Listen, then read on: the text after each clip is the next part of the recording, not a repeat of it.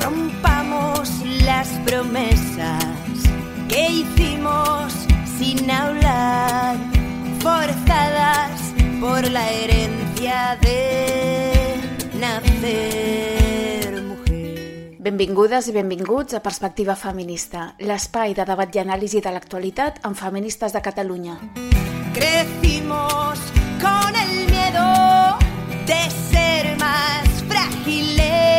Per entendre la realitat que ens envolta i denunciar les desigualtats entre dones i homes.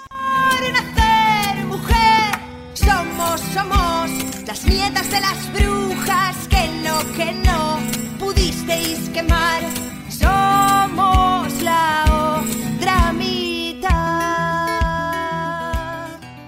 Hola a tothom, benvingudes i benvinguts a aquest setè episodi de Perspectiva Feminista. Soc Pat de Lídia i avui us volem parlar de com el fet d'haver nascut dones és un factor de risc per la nostra salut. Sé que és una afirmació que d'entrada pot ser que sorprengui moltes persones, però si ens concediu uns minuts entendreu per què ho dic. Les meves companyes Erika i Lana seran les encarregades de parlar-vos de dades de nombrosos estudis sobre el tema. Així que jo em limitaré a traslladar-vos algunes premisses i reflexions que em semblen fonamentals per comprendre de què estem parlant. La primera qüestió a tenir molt present és que dones i homes som diferents des del punt de vista biològic. I en què radiquen aquestes diferències? Doncs, per exemple, mentre que la dona té dos cromosomes X, l'home té un cromosoma X i un cromosoma Y. L'aparell reproductor i els caràcters sexuals secundaris són clarament diferents. Dones i homes tenim diferents càrregues i ritmes hormonals, presentem un diferent desenvolupament muscular i ossi, sent superior en el cas dels homes, i també diferent distribució i quantitat del greix corporal, que sol ser superior en les dones. El cor i els pulmons tendeixen a ser més grans en homes, la qual cosa comporta major força muscular i resistència. I podria seguir, però en resum, la idea amb la que vull que us quedeu és que els cossos de dones i homes funcionen de manera diferent. I per tant, no és de sorprendre que també emmalalteixin de manera diferent, que manifestin símptomes diferents per un mateix problema de salut o que reaccionin de forma diferent a un mateix tractament mèdic. Doncs bé, tenint en compte aquestes diferències tan significatives, el més lògic seria que la medicina les tingués molt presents tant en el procés diagnòstic de les malalties com en la recerca clínica farmacològica, veritat? Doncs mira, em temo que no. De fet, tal i com després ens explicarà l'experta convidada d'avui, nombrosos estudis ens demostren que la medicina sovint obvia aquestes diferències biològiques entre dones i homes. I això passa bàsicament perquè la medicina està construïda sobre un model de coneixement androcèntric, és a dir, un coneixement produït per homes i centrat en l'estudi dels homes, i que identifica, per tant, l'home com a l'ésser humà en general, invisibilitzant així a les dones. A les que ja teniu una certa edat, com jo, potser us resultarà familiar la sèrie televisiva de dibuixos Érase una vez el hombre, no? Doncs quan deien hombre, es referien a l'ésser humà. Això ens havia d'haver servit ja en la tendra infància de pista del que ens esperava. Un món en el qual els homes són la mesura i la referència de tot. Aquest androcentrisme en la medicina, com us podeu imaginar, genera desigualtats i la discriminació de les dones a diferents nivells. Un exemple molt clar d'això és la recerca clínica farmacològica. Fins fa molt poc, els assajos clínics en fàrmacs es realitzaven només en homes, assumint erròniament que els resultats podien extrapolar-se de manera automàtica a les dones.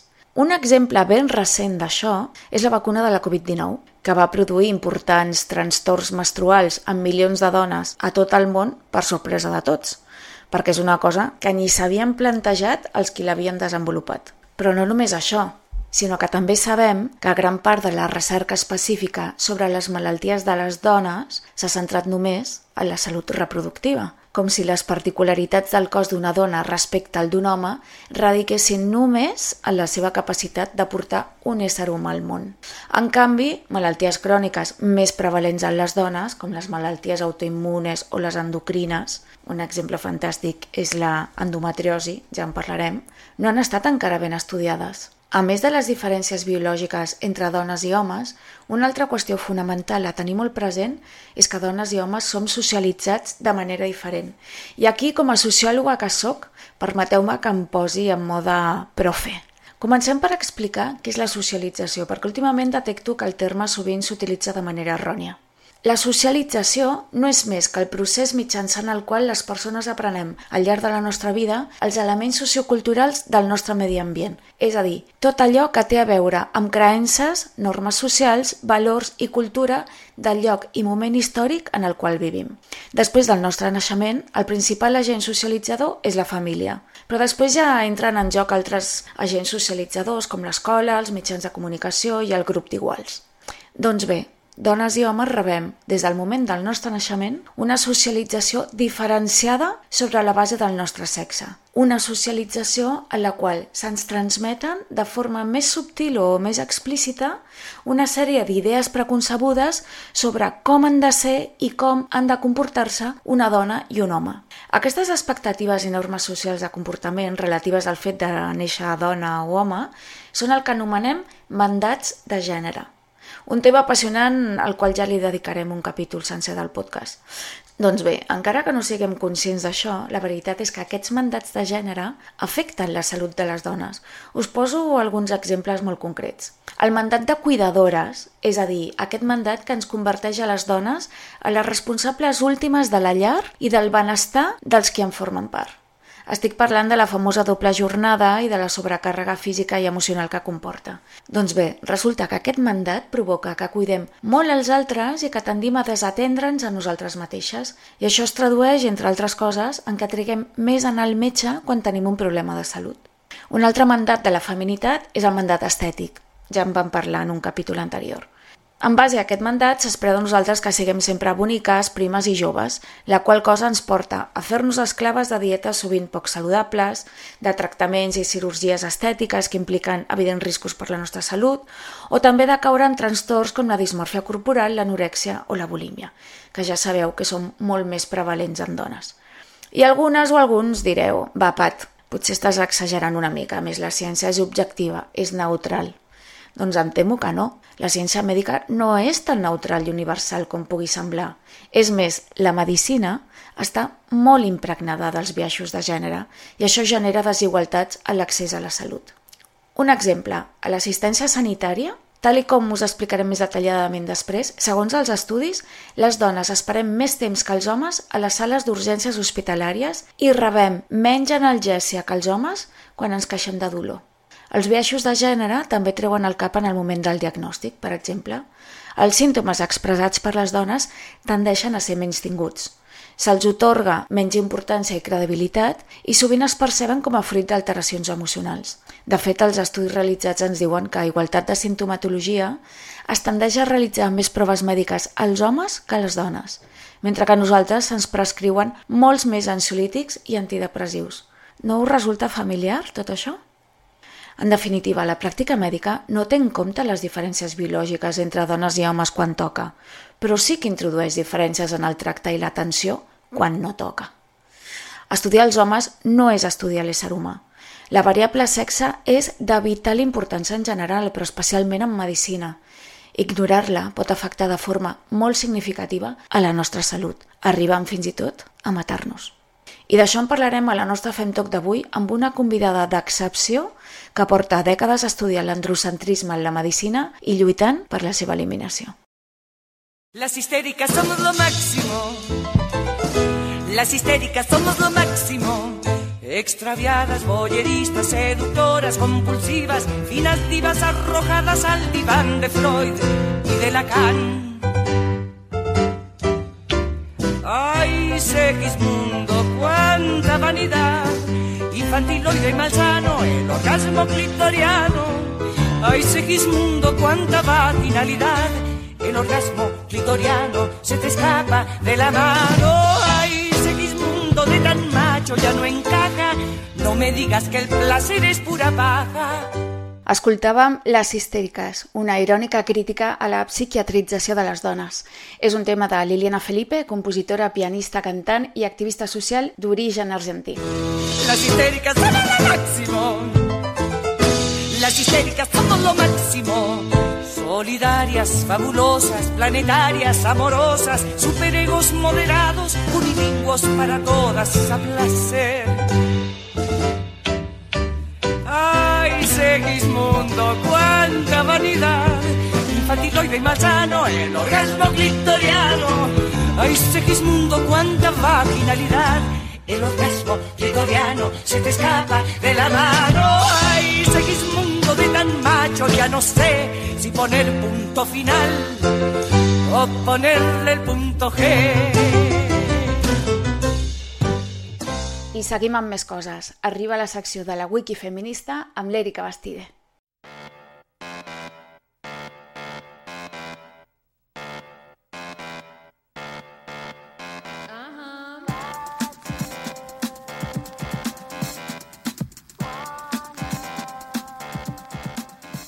Això és la Wiki Feminista, jo sóc Erika Bastide i avui parlem sobre l'androcentrisme a la medicina.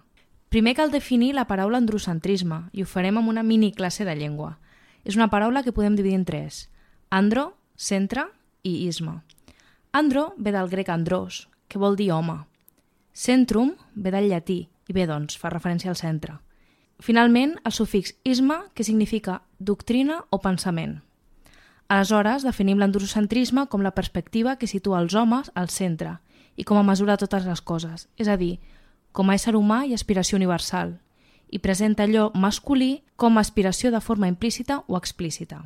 Aquesta perspectiva androcèntrica està tot arreu. És d'aquestes coses del feminisme que una vegada comences a veure no la pots deixar d'observar. Us heu fixat alguna vegada que hi ha coses que sembla que no estiguin pensades per les dones? Els telèfons mòbils, per exemple, cada vegada els fan més grans i cada vegada ens costa més arribar a tota la pantalla amb una sola mà. Els cinturons dels cotxes, o me'l fico entre els pits, o me n'aixafa d'un, després em rossa el coll, sembla que em faltin 20 centímetres perquè em sigui incòmode. Les dones patim l'impacte del viatge androcèntric a tots nivells. La periodista Caroline Criado Pérez recull múltiples exemples de l'androcentrisme, com els que acabo de mencionar, però també parla sobre polítiques públiques, estadístiques i percepcions socials al seu llibre La mujer invisible, Descubre cómo los datos configuran un mundo por y para los hombres, de l'editorial Seix Barral del 2019. Aquest llibre per mi va ser un xoc de realitat. Moltes de nosaltres vam començar a aprendre sobre l'androcentrisme, concretament a la medicina, llegint els llibres de la doctora Carme Valls Llobet, pionera i referent en aquest tema. El primer que vaig llegir jo va ser Mujeres, Salut i Poder, de Càtedra, l'any 2009, i també vaig descobrir que té un altre molt bo, que és la Mujeres Invisibles per a la Medicina, de l'editorial Capitan Swing, al 2020. La doctora Valls posa molts exemples de les conseqüències de la perspectiva androcèntrica aplicada al camp de la medicina. El saber identificar els símptomes d'un infart a partir dels que presenten els homes, tot i que les dones tenim símptomes totalment diferents. Com explicava la Pat, funcionem una miqueta diferent. En aquest cas, les dones podem sentir mal d'esquena, falta d'aire, debilitat, nàusees i vòmits, que sovint es confonen amb una indigestió. Bé, doncs el dimorfisme aquest del que parlàvem abans ha estat ignorat durant segles per la medicina. S'ha pres l'home com a model de ser humà i les dones hem passat a ser el mateix però amb diferents genitals. L'únic camp especialitzat ha estat la ginecologia i la resta, el que servia per uns, doncs servia per les altres. A la ginecologia li hauríem de dedicar un capítol sencer. La història de la ginecologia ha estat una història de carnissers, si se'n permet l'expressió. Jo estic farta d'anar amb dolor i que m'insisteixin en prendre anticonceptius. Totes les dones que conec diuen que les mamografies són doloroses i que dic jo, no podrien inventar una màquina diferent per mirar el mateix. Si l'objectiu fos analitzar anualment la morfologia dels testicles, segur que ja fa molt de temps que s'hauria inventat un sistema molt menys dolorós. I després patim una excessiva medicalització dels processos naturals. Ja he mencionat el, el tema de l'anticoncepció, però una vegada estàs embarassada sembla que en 9 mesos has de veure el metge més que amb tota la teva vida. L'androcentrisme no només està relacionat amb la salut física de les dones. Heu sentit a parlar de la histèria? La pròpia paraula ve del grec histeron, que vol dir úter. I per definir-ho ràpid i malament, era l'excusa victoriana per les dones quan no sabien quin problema tenien, i potser ni tan sols en tenien cap. No fa tant de temps, les dones amb problemes de salut mental eren tancades en una habitació a casa seva. A vegades han estat representades a la literatura com la boja de l'àtic, que, si heu llegit Jane Eyre, recordareu la tràgica vida i mort de Bertha Mason, la dona del senyor Rochester. Però també hi ha relats autobiogràfics sobre aquest tipus de confinament. El paper de paret groc de la Charlotte Perkins Gilman relata en primera persona i a través de diverses entrades al diari com la va deixar tancada el seu marit per patir una depressió postpart. Al llarg de la història, la perspectiva androcèntrica de la medicina i la medicalització dels processos naturals de les dones i els prejudicis s'han emportat centenars de vides de dones. L'Alana Gran ens explicarà una mica més de les conseqüències a la secció d'actualitat en perspectiva feminista.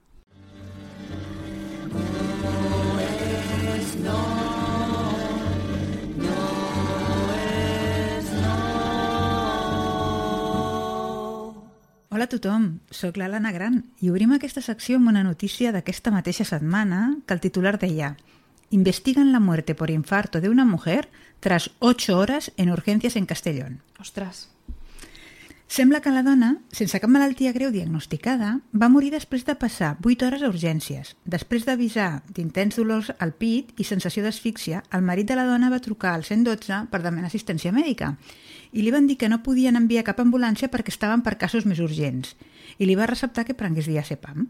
Davant dels terribles dolors que sentia, va decidir finalment asseure-la en una cadira d'escriptori amb rodes de casa seva i portar-la a urgències amb el vehicle particular. Ostres, però això és molt fort. És molt fort, però no és gens estrany. En la recerca sobre mortalitat s'ha evidenciat que la malaltia cardiovascular és el paradigma de la invisibilitat de les dones en la medicina. Tu mateixa ho deies abans.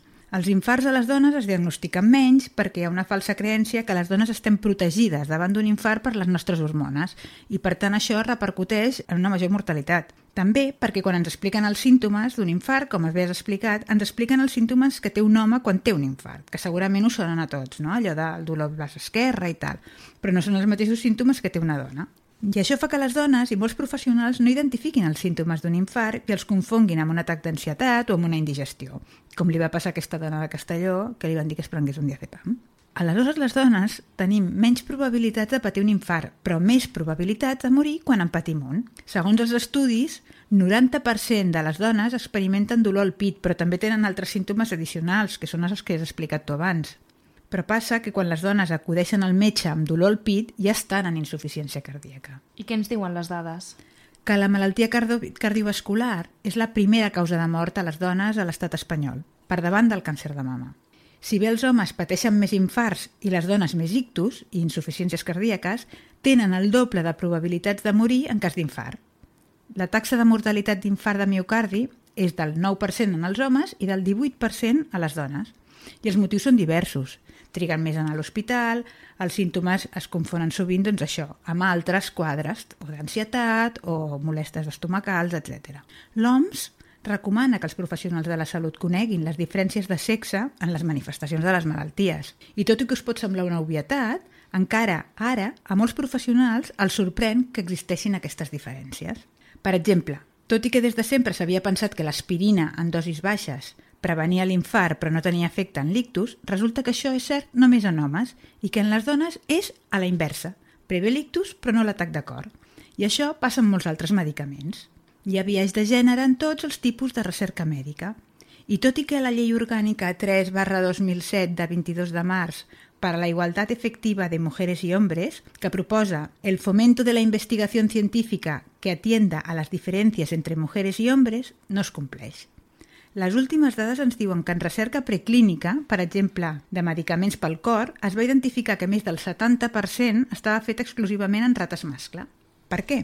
Perquè està tan arrelada la idea que els homes són els que tenen bona salut i que les dones es desvien de la norma masculina per influència de les hormones en el seu cervell, que en el disseny dels estudis escullen expressament rates mascles per evitar aquesta variabilitat hormonal. Clar, i després passen coses com les vacunes de la Covid, oi? Exacte, amb el coronavirus hem vist que homes i dones reaccionen diferent a la malaltia i també a la vacuna.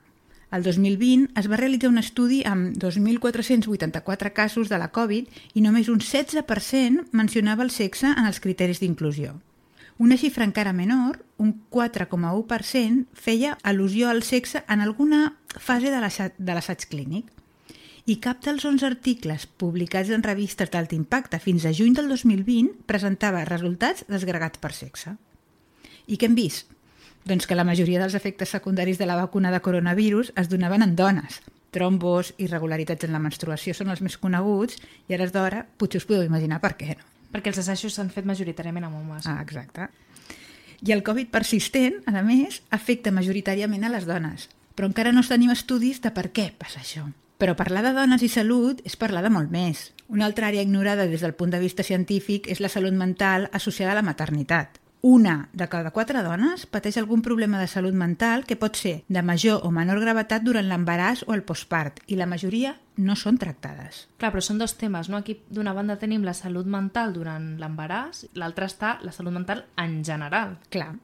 Les dones tenen més probabilitats de sortir amb una diagnosi de malaltia mental en una primera visita que els homes. En el cas dels homes, de seguida es pensa que és una causa orgànica i se'ls demanen proves complementàries. Aquest biaix de gènere es tradueix en una sobremedicació de les dones. El 85% dels psicofàrmacs s'administren a dones. És moltíssim. Aquest sobrediagnòstic també invisibilitza malalties físiques que queden amagades darrere d'un diagnòstic errònic de patologia mental o de símptomes psicosomàtics perquè no, potser no quadren amb el patró de normalitat que és el model masculí. Tornem al cas de Castelló. I ara us trauré un tema que podria donar per un podcast sencer, l'endometriosi. L'endometriosi és la malaltia ginecològica amb més incidència. Afecta almenys un 10% de les dones en edat reproductiva, però podrien ser moltíssimes més perquè està infradiagnosticada. És una malaltia crònica i els seus símptomes més coneguts són dolor durant la menstruació, dolor pèlvic, infertilitat. Tot i això, en les dones, el dolor de la regla s'ha normalitzat tant socialment que el diagnòstic es pot endarrerir fins a 8 anys des del moment que s'acuta l'especialista. I sabíeu que gairebé el 46% de les dones tenen una o més disfuncions del sol pèlvic, com ara incontinència urinària o anal o prolapse d'òrgans pèlvics, i té un fort impacte sobre la qualitat de vida. I aquesta dolència fins fa poc a Espanya i encara a molts llocs del món ni es considerava, perquè com ningú no, no es moria d'això, doncs s'assumia com una cosa normal entre les dones.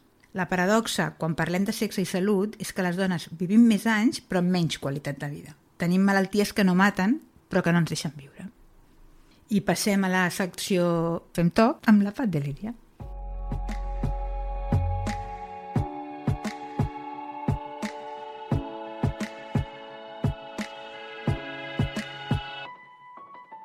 I a la nostra Fem Toc d'avui parlem amb la doctora Carme Valls Llobet, metgessa endocrinòloga amb un extens currículum professional, innumerables publicacions i reconeixements.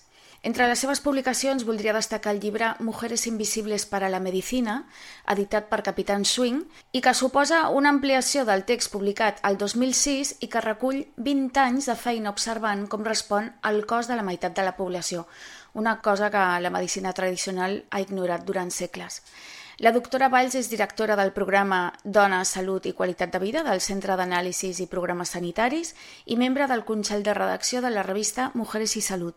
És pionera al nostre país a plantejar les diferències en mortalitat i morbiditat entre dones i homes i defensora de la introducció de la ciència de la diferència en els estudis de medicina, infermeria i ciències de la salut en general. Benvinguda, doctora Valls.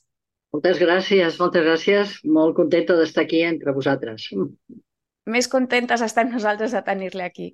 És un honor. Abans de res, li voldria preguntar què significa ciència de la diferència i per què és important? Clar, ciència de la diferència és un terme que una mica hem, hem podríem dir, prioritzat des del Centre d'Anàlisis i Programes Sanitaris, on dirigeixo el programa que acabes de citar, per eh, poder expressar que és una part de la ciència de la salut que no ha estat explorada adequadament, perquè les ciències de la salut s'han basat sempre en l'home i, eh, per tant, són androcèntriques, amb detalls eh, de molts tipus. Detalls, per exemple, que l'anatomia que estudiem durant un any o dos sempre s'ha basat en el cos de l'home, s'ha basat en els teixits de l'home. Quan es fa anatomia patològica, fins ara també es basava en teixits que s'estreien de biòpsies d'home. Tot això fa que no hi ha hagut visibilitat de si al estudiar el cos de la dona hi haurien diferències perquè pot ser que no n'hi hagin, que siguin absolutament igual, però com que no s'ha estudiat i s'han exclòs les dones dels treballs de recerca, doncs es desconeix. Hi ha una ignorància. Per tant, la ciència de la diferència vol esbrinar si hi han igualtats o diferències en la biologia, Sabem segur que n'hi ha diferències socials que afecten a la salut, no? hi ha diferències de gènere, de condicions de vida i treball entre homes i dones, però en la biologia també. Sabem que el medi ambient està afectant de forma diferent a homes i dones. A les dones els hi està alterant la menstruació, als homes els hi altera la funció testicular, a tots dos els hi afecta l'esterilitat. Per tant, hi ha, hi ha estudis que ja la, les ciències de la salut no poden expressar unívocament i tampoc l'evolució de determinades malalties ni els factors de risc de determinades malalties. Tot el que pugui ser diferent entre homes i dones o entre també minories ètniques o una diversitat que pot haver-hi dintre de les mateixes dones, per edat, eh, per eh, condicions de vida que hagin viscut, per ètnia que, a la que pertanyin, no? Tot això són diversitats que no estaven inclòs en el cos científic. Per tant, cre creiem que s'ha de crear, i crec que s'ha de crear, aquesta ciència, que no pot néixer dels hospitals, perquè la gent que ve a la consulta, sobretot va a atenció primària. I, I és, sempre dic que és la ciència, ha de néixer aquesta ciència des de la primera línia i és atenció primària amb recursos i amb ganes de poder publicar i amb ganes de fer carrera professional que s'ha de desenvolupar. Però és la ciència de la diversitat i la desigualtat també, eh? la desigualtat uh -huh crea, són temes socials, però la desigualtat crea relacions de poder que fan que les dones siguin menys visibilitzades i si les visibilitza les consideren inferiors. Ara que, ara que diu això de la importància no? d'introduir aquesta ciència de la, de la diferència, es troba vostè o es troben vostès amb resistències a la introducció d'aquesta ciència de, de la diferència? Perquè em sembla molt interessant també parlar d'això. Ens trobem invisibilitats. O sigui, de, de, si alguna el dona amb la seva especialitat alega, ara penso cardiòlogues, ginecòlogues, etc,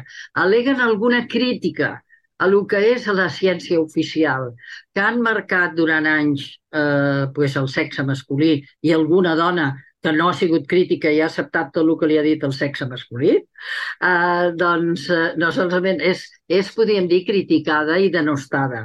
La, última crítica que vaig viure fa relativament poc, en un debat que hi va haver-hi a l'Observatori de la Salut de la, de la Mujer, el, des del Ministeri de Sanitat, és que hi havia un debat sobre efectes de, la, de les diferències dintre de les malalties cardiovasculars, que és un gran paradigma de la invisibilitat. I parlaven dos, dos professors molt macos, el doctor Héctor Bueno, que és cardiòleg el 12 d'octubre, i la doctora Sambola, que és de la Vall d'Hebron.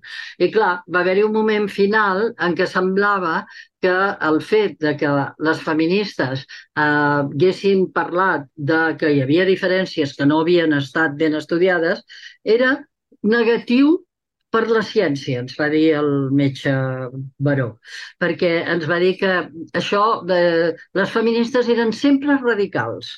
I és clar, això no anava bé. La ciència, per ell, era com eh, un centre neutre.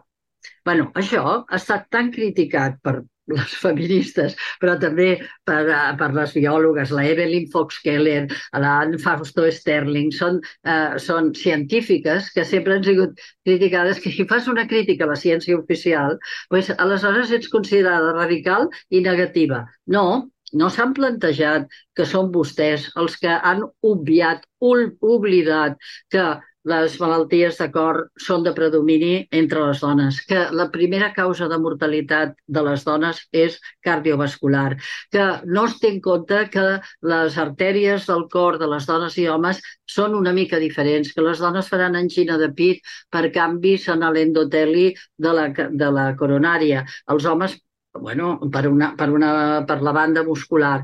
Cada vegada que surten més estudis ens donen la raó de que cada vegada tenim un cos científic amb més evidències de que haurem de parlar de les diferències. Però, en canvi, els, inclús els que estudien les diferències ho critiquen com si això fos una reivindicació diuen feminista radical. Bueno, si diuen radical perquè anem a l'arrel dels problemes, d'acord. Eh? Exacte. Bueno, ja va donar lloc a un debat i ara que m'he fet aquesta pregunta, doncs, resistències i sutilitats de bon rotllo, perquè aquest, aquest senyor estudia les diferències, però clar, va fer aquesta, aquesta apreciació, totes les que escoltàvem, la majoria eren feministes, i ell mateix no se'n donava compte que ell també ho era, perquè ser feminista és defensar els drets de les dones a ser visibles en les seves diferències. I ell ho està fent en la seva ciència. Jo no vaig tenir temps de poder-li dir tantes coses, però ara li dic que yeah de tu, d'aquest programa. Eh? Molt bé, home, doncs esperem... Si, si tu també ets feminista i radical, perquè vas a l'arrel dels problemes. Doncs esperem que li arribi el missatge, doncs. Um, una de les coses que més ens ha cridat l'atenció durant la, la preparació d'aquest capítol del podcast ha estat l'enorme diferència entre dones i homes en relació al nivell de prescripció de psicofàrmacs, no? i en concret d'ansiolítics i antidepressius. De fet, segons un estudi que es va fer entre farmàcies del Baix Llobregat, el 85% d'aquestes prescripcions és a dones i només el 15% a homes. I d'altra banda, les dades a nivell estatal ens diuen que el 30% de la població pren psicofàrmacs i que dins d'aquest volum les dones prenen cinc vegades més que els homes. A què són degudes aquestes diferències tan grans? Què s'amaga darrere d'aquestes xifres? Primer de tot s'amaga un mal diagnòstic mèdic perquè s'atribueix el malestar eh, d'origen social, de eh, discriminació laboral, de doble presència, de violència de gènere, amb malestars que les dones expressen quan van al metge, de problemes econòmics, de solitud. El malestar no és una depressió. Tampoc és una ansietat, et pot donar ansietat, però no és només ansietat. Ara, en aquest moment, dos vegades i mig més d'ansiolítics es donen a les dones que als homes i cinc vegades més d'antidepressius. A veure, què passa en, en aquí? Pues que molts problemes s'atribueixen a problemes de salut mental psiquiàtric quan poden ser problemes d'angoixa per viure en una societat tan androcèntrica que precisament ha limitat i ha vulnerat els drets de les dones i els hi ha impossibilitat la possibilitat de sentir plaer eh, de la vida, sentir, eh, poder estar en pau amb elles mateixes, poder eh, alliberar-se del rol de cuidadores constants eh, quan són joves, quan són grans, quan a mitjana edat, sempre el paper de la cura, sempre el paper de fer el menjar, però mai el paper de poder-s'ho passar bé. Doncs tot això eh, està fent un problema molt greu. Com que aquí a Espanya tenim molt poc temps per poder fer consulta i tenim cinc minuts per visita, doncs quasi és més fàcil a una metgessa poder receptar, però els psicofàrmacs no se'ls pot comprar sense recepta. Per tant, el primer problema és que els professionals sanitaris han de ser conscients de que en aquest moment som el primer país prescriptor de psicofàrmacs d'atenció primària de tot el món i l'estem receptant a les dones. I això és receptar el silenci, i receptar la submissió, i receptar la resignació. I no, val més que si al revés, encomanar-los les ganes de ser insumises, les ganes de no ser resignades i les ganes de plantar cara a les situacions que les estiguin oprimint ja sabem que hi ha situacions molt greus, eh? no, vull, no vull frivolitzar amb això perquè jo mateixa treballo i jo també he de receptar a vegades ansiolític i antidepressiu, però hi ha situacions que no es poden aguantar. Però de seguida que puc, li dic, i ara vagi traient-s'ho poc a poquet, eh, ja li faig la pauta i mirem de veure si pot parlar amb la treballadora social de la seva zona, si pot fer eh, canvis a la seva vida, perquè l'ansietat i depressió no és una característica biològica de les dones. I arriben a dir en els llibres de medicina que les dones tenen el doble d'ansietat, però no diuen per què. Jo ja et dic una afirmació que crec que les noies joves els hi podrà anar bé. Uh, no tenir, uh, durant l'edat reproductiva, des dels uh, que tenim la menstruació fins als 55 anys, cada mes, no sé si ho saben les dones, segur que sí, perden sang. Bé, doncs si aquesta pèrdua de sang és superior a 80 centímetres cúbics, els hi faltarà ferro el mes següent. No es pot compensar una pèrdua de 100-150 centímetres cúbics. I la falta de ferro dona sempre ansietat. Per tant, abans de donar una sola pastilla de sedant a una dona, o ansiolítica, primer, per favor, que li normalitzin la ferritina. Eh? Si no, estem fent una mala praxis, que espero que de, en el futur, ben, com que ja hi ha molta, molta informació publicada, inclús es pugui denunciar. Mm, mm. Em sembla un missatge realment útil, no? Perquè qui no ha passat per aquí? Quina dona no ha passat per aquí en algun moment, no? Um, una altra qüestió que, que em sembla um, també molt preocupant és que les patologies cròniques que afecten de manera més habitual les dones, o de manera exclusiva, fins i tot diria com pot ser l'endometriosi. De fet, l'any passat jo la vaig veure a vostè fent una xerrada molt interessant. Jo estava a primera fila allà amb, amb la mà alçada um, l'Endofest de l'any passat. Ah, molt bé. Sí, sí, sí. Doncs aquestes malalties, com deia, eh, cròniques que patim de manera exclusiva les dones, eh, han estat molt poc estudiades. L'endometriosi, mm, de fet, fins fa pocs anys, és que ni se'n parlava. No? Ara se'n comença a parlar, però recentment, en els últims anys. A què és degut això i quines mesures caldria impulsar a fi de corregir aquesta realitat? És molt important el, i crec que també devia sentir parlar-ne en aquell moment a la festa, que és una festa per recollir fons per poder continuar-ne parlant i informant. Uh -huh. uh, Endometriosis era una malaltia que a mi em van explicar a la Facultat de Medicina que era congènita, o sigui que ho heredava de la meva mare o del meu pare, si és que la tenia, de la línia materna de la banda del pare, però ara sabem que no és cert. És una malaltia que barreja potser sí, problemes genètics, però fonamentalment problemes ambientals. O sigui, per què? És una malaltia en què teixit endometrial passa per la cavitat abdominal, passa cap endins en lloc d'anar cap avall, i allà colonitza i fabrica uns tumors que cada mes sangren a dintre de la cavitat abdominal i arriben a fer uns tumors del tipus autoimmune. O sigui, s'hi barreja les hormones, s'hi barreja la genètica i s'hi barreja la immunitat. Aleshores, el medi ambient com hi afecta? Tots els disruptors endocrins, tots no, eh? però la majoria de disruptors endocrins ambientals, el que surt del, del tubo d'escapament del cotxe, de les incineradores, dels plàstics, etc., imita en el cos l'efecte de l'estrogen. I l'estrogen és l'hormona que les que tenen endometriosis tenen de més. Si ja tenies una tendència i a sobre ve el medi ambient i per aigua, aire o aliments acabes tenint més estrògens, no ens pot estranyar que sigui la malaltia que més està creixent en aquest moment exclusivament a les dones, com acabes de dir, i mm -hmm. està fent molt mal, perquè es tarden molts anys a diagnosticar-la. Per què? Com que no es fa cas del dolor menstrual, el dolor és la primera característica de, de l'endometriosis, que fa mal la menstruació. I a quantes dones no els hi han dit que és natural que els hi faci mal? No. Ara diferenciem he tingut que explicar molt bé en el llibre Mujeres, Salut i Poder. Un capítol sencer amb el Foucault al costat ajudant-me per dir que el que és freqüent no vol dir que sigui natural. És freqüent que les dones rebin violència de gènere i és freqüent que les dones tinguin dolor menstrual. Però, això, però no és natural que la rebin i no ho hem d'acceptar com natural. Si una dona té un dolor que no pot combatre amb un analgèsic habitual que ja pot ser que tingui que prendre el primer dia de la menstruació, i per cert, que no esperi, que se'l prengui de seguida que comença el dolor, perquè és la manera més pràctica de que després no continuï el dolor.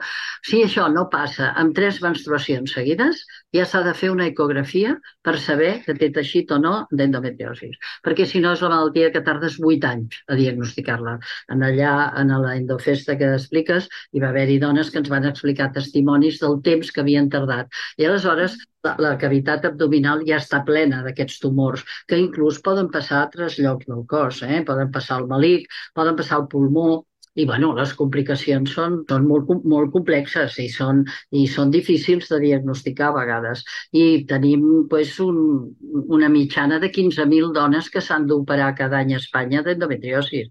Operar, que vol dir que tenen una endometriosis avançada. Per tant, mm -hmm és una malaltia que jo considero eh, que hem de pressionar per diagnosticar-la més ràpida i, i per poder-la atendre millor. Sí, sí. I ja no només entre professionals sanitaris, no? sinó també que les dones tinguin aquest coneixement per exigir determinades proves, no? Eh... Totalment. Per això he fet la missatge de que sí, tres sí. menstruacions seguides amb dolor s'ha de fer una visita al ginecòleg. Mm i si després no et fan l'ecografia encara i continues tenint dolor, insistir o canviar d'especialista. Mm, exacte. Molt bé. Doctora, ja per acabar, um, creu vostè que les dones deixarem de ser invisibles per la medicina? Quines són una mica les perspectives futures pel que fa a la incorporació de la perspectiva de gènere en la medicina? Com ho veu? Bueno, ho veig amb un color, comença a ser verdós clar. No és color esperança total, però color més millor per, eh, per una política pública. Eh? Jo també tinc el meu cor que a vegades les coses s'han de defensar i canviar la política que pot fer que la ciència canvi. A Canadà van fer l'any 2016 una llei que diu no donarem diner públic per investigar eh, eh, aspectes de la medicina que no inclogui dones, homes i minories ètniques. O sigui, donarem el diner per investigar que investigui les diferències. bueno, això ha canviat, per tant, la literatura científica que està sortint. També ho va intentar la doctora Bernardine Healy, cardiòloga que sempre li faig homenatges, als Estats Units. Ho va posar a la llei del, del Centre Nacional de Recerca, però amb uns resultats primer perquè la recerca allà la paguen molt els laboratoris privats i sobre això no hi pot haver-hi una llei pública. La llei, la llei pública diu eh, si nosaltres eh, posem aquesta norma, això crearà noves publicacions i les està creant. En aquest moment tenim una collita de, de treballs de recerca molt interessants de, eh, sobre medicina de gènere ja, en mm, dos especialitats que jo creia que teníem que, que poder-hi posar la cullerada bé, que era la, la cardiovascular i la del dolor, perquè són els dos problemes que ens, ens podríem dir, faran molt mal per la qualitat de vida, el dolor, i ens mataran abans d'hora, que és la cardiovascular. I llavors eh, això està avançant, mm, podríem dir, el que hauria sigut adequat fa 30 anys. O sigui, és veritat que jo fa 30 anys ja feia el discurs que m'estàs preguntant, però és veritat que visc amb esperança aquests moments i que m'agradaria ser mm, 50 anys més jove, que no puc ser-ho, si hagués acabat la carrera, jo ara me n'aniria a Canadà a fer recerca.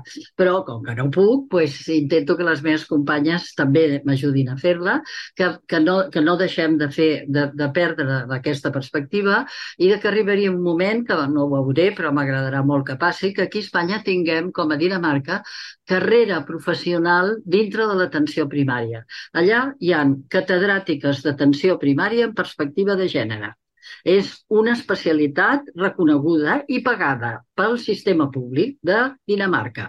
Tenim una gran autora, Sabine Oertelt Prigione, que sempre publica, va publicar molt sobre les diferències amb la Covid, qui matava més, la Covid eh, fa més mortalitat entre homes, però l'agafen més les dones i qui ha fet Covid persistent són les dones. Per tant, mm. tot això ho gràcies a que tenim ja una metgessa eh, doncs en perspectiva de gènere que des d'atenció primària no, no solament li passa com aquí que li donen les feines més eh, desgraciades, poc pagades i amb, i amb, i amb 8, 52 visites que em deia una companya ahir que havia sortit de treballar amb 52 visites al Baix Llobregat. No. O sigui, no solament això, sinó que poden fer carrera professional. I això és molt important per fer eficient la ciència que hem de crear a través d'aquestes companyes. Eh? Uh -huh. Que jo ajudaré pues, fins als meus últims dies, eh? sempre que pugui. Eh? Per poder... I ara, pues, si, si això ho podeu fer visible, és bo que, que, que les dones puguin tenir esperança i sobretot que no es resignin. Els professionals tampoc, eh? perquè hi ha algunes professionals que m'han dit jo ho vaig intentar, eh? però en el meu centre ningú em deixava fer cap sessió clínica en què poguéssim parlar d'altres coses. Dic, bueno, la llei d'igualtat de l'estat espanyol, març del 2007, diu que hi ha diferències. Això ho vam aconseguir, vam posar-ho a, la, a, a la llei i vam canviar la llei de sanitat perquè acceptés que la medicina ja no es podia abordar androcèntricament, s'havia de fer diferent. Ho vam escriure, ho vaig escriure jo, des del CAPS. La llei és, és clara. Pues si el metge de l'efecte de servei no ho vol tenir en compte, és un senyor il·legal. Clar, clar. No? La llei diu que s'ha de tenir en compte. Per tant, has de poder fer sessions clíniques en què també parlis de que el ferro baix pot donar ansietat i, a més, mm -hmm. pot donar molt cansament i, en canvi, l'estem tractant amb psicofàrmacs i no arreglant la, el, el problema de la seva menstruació. D'acord? Exacte, molt bé. Fantàstic. Doncs, doctora, no li vull robar més temps. Ha estat un plaer, realment. Li agraeixo moltíssim que ens hagi concedit aquesta entrevista. A mi em feia molta, molta il·lusió entrevistar-la i, i espero que puguem tornar a comptar amb vostè en propers episodis. Molt bé, m'agrada molt haver pogut estar aquí amb vosaltres i compta amb mi per quan sorgeixin alguns aspectes concrets o per quan tu vulguis. Encantada perquè crec que feu arribar molt bé missatges a la població i que això és el que necessita. Moltíssimes gràcies. Adeu.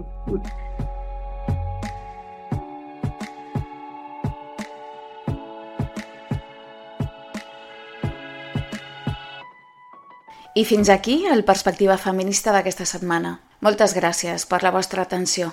Si voleu seguir la feina de Feministes de Catalunya, podeu consultar la nostra pàgina web feministes.cat i també podeu seguir-nos a través dels nostres perfils de xarxes socials a Twitter, Instagram, Facebook i TikTok, visitar el nostre canal de YouTube o escoltar aquest mateix programa en diferents plataformes com Spotify o iVoox. Ens acomiadem amb el tema musical Siempre Viva, de Rebecca Lane, cantant de rap, feminista i anarquista guatemalteca, activista, sociòloga i poeta. Siempre Viva és un crit de supervivència i lluita de les dones que nosaltres adoptem com a propi davant de qui nega la biologia de les dones i les desigualtats que patim pel fet d'haver nascut femelles de l'espècie humana. Siempre viva como mala hierba, siempre viva como mala hierba, siempre ¿Quién dijo que era fácil ser mujer? Desde pequeñita me hicieron creer que era bonita y si no lo era entonces ya nadie me iba a querer. Si era redonda era por glotona, si hablaba mucho era por chismosa. No estaba orando, estaba pecando y la Virgen María me estaba juzgando. Que cuando creciera me iba a casar y que cuidara mucho mi virginidad. Que en vez de fumar y tomar aprendiera a limpiar bien la casa y también cocinar. Nada de tatuajes ni perforaciones, nada de bailar y enseñar los calzones. Cómo ser feliz con tantas precisiones. Mando a la mierda todos sus sermones. La, la, la, la. Hago lo que quiero porque puedo, porque soy así. La, la, la, la. Me dicen mala hierba porque nunca me dejé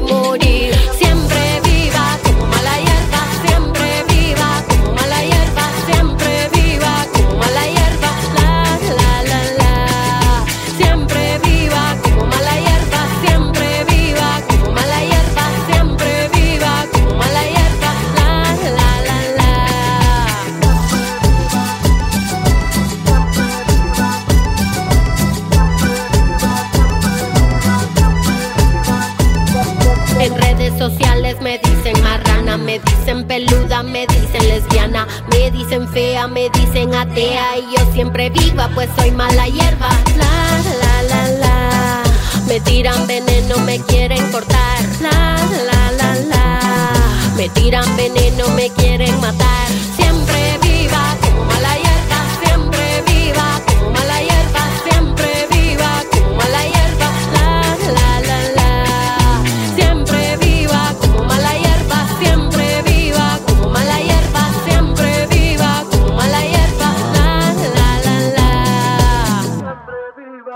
Go, go, go, go, go, go.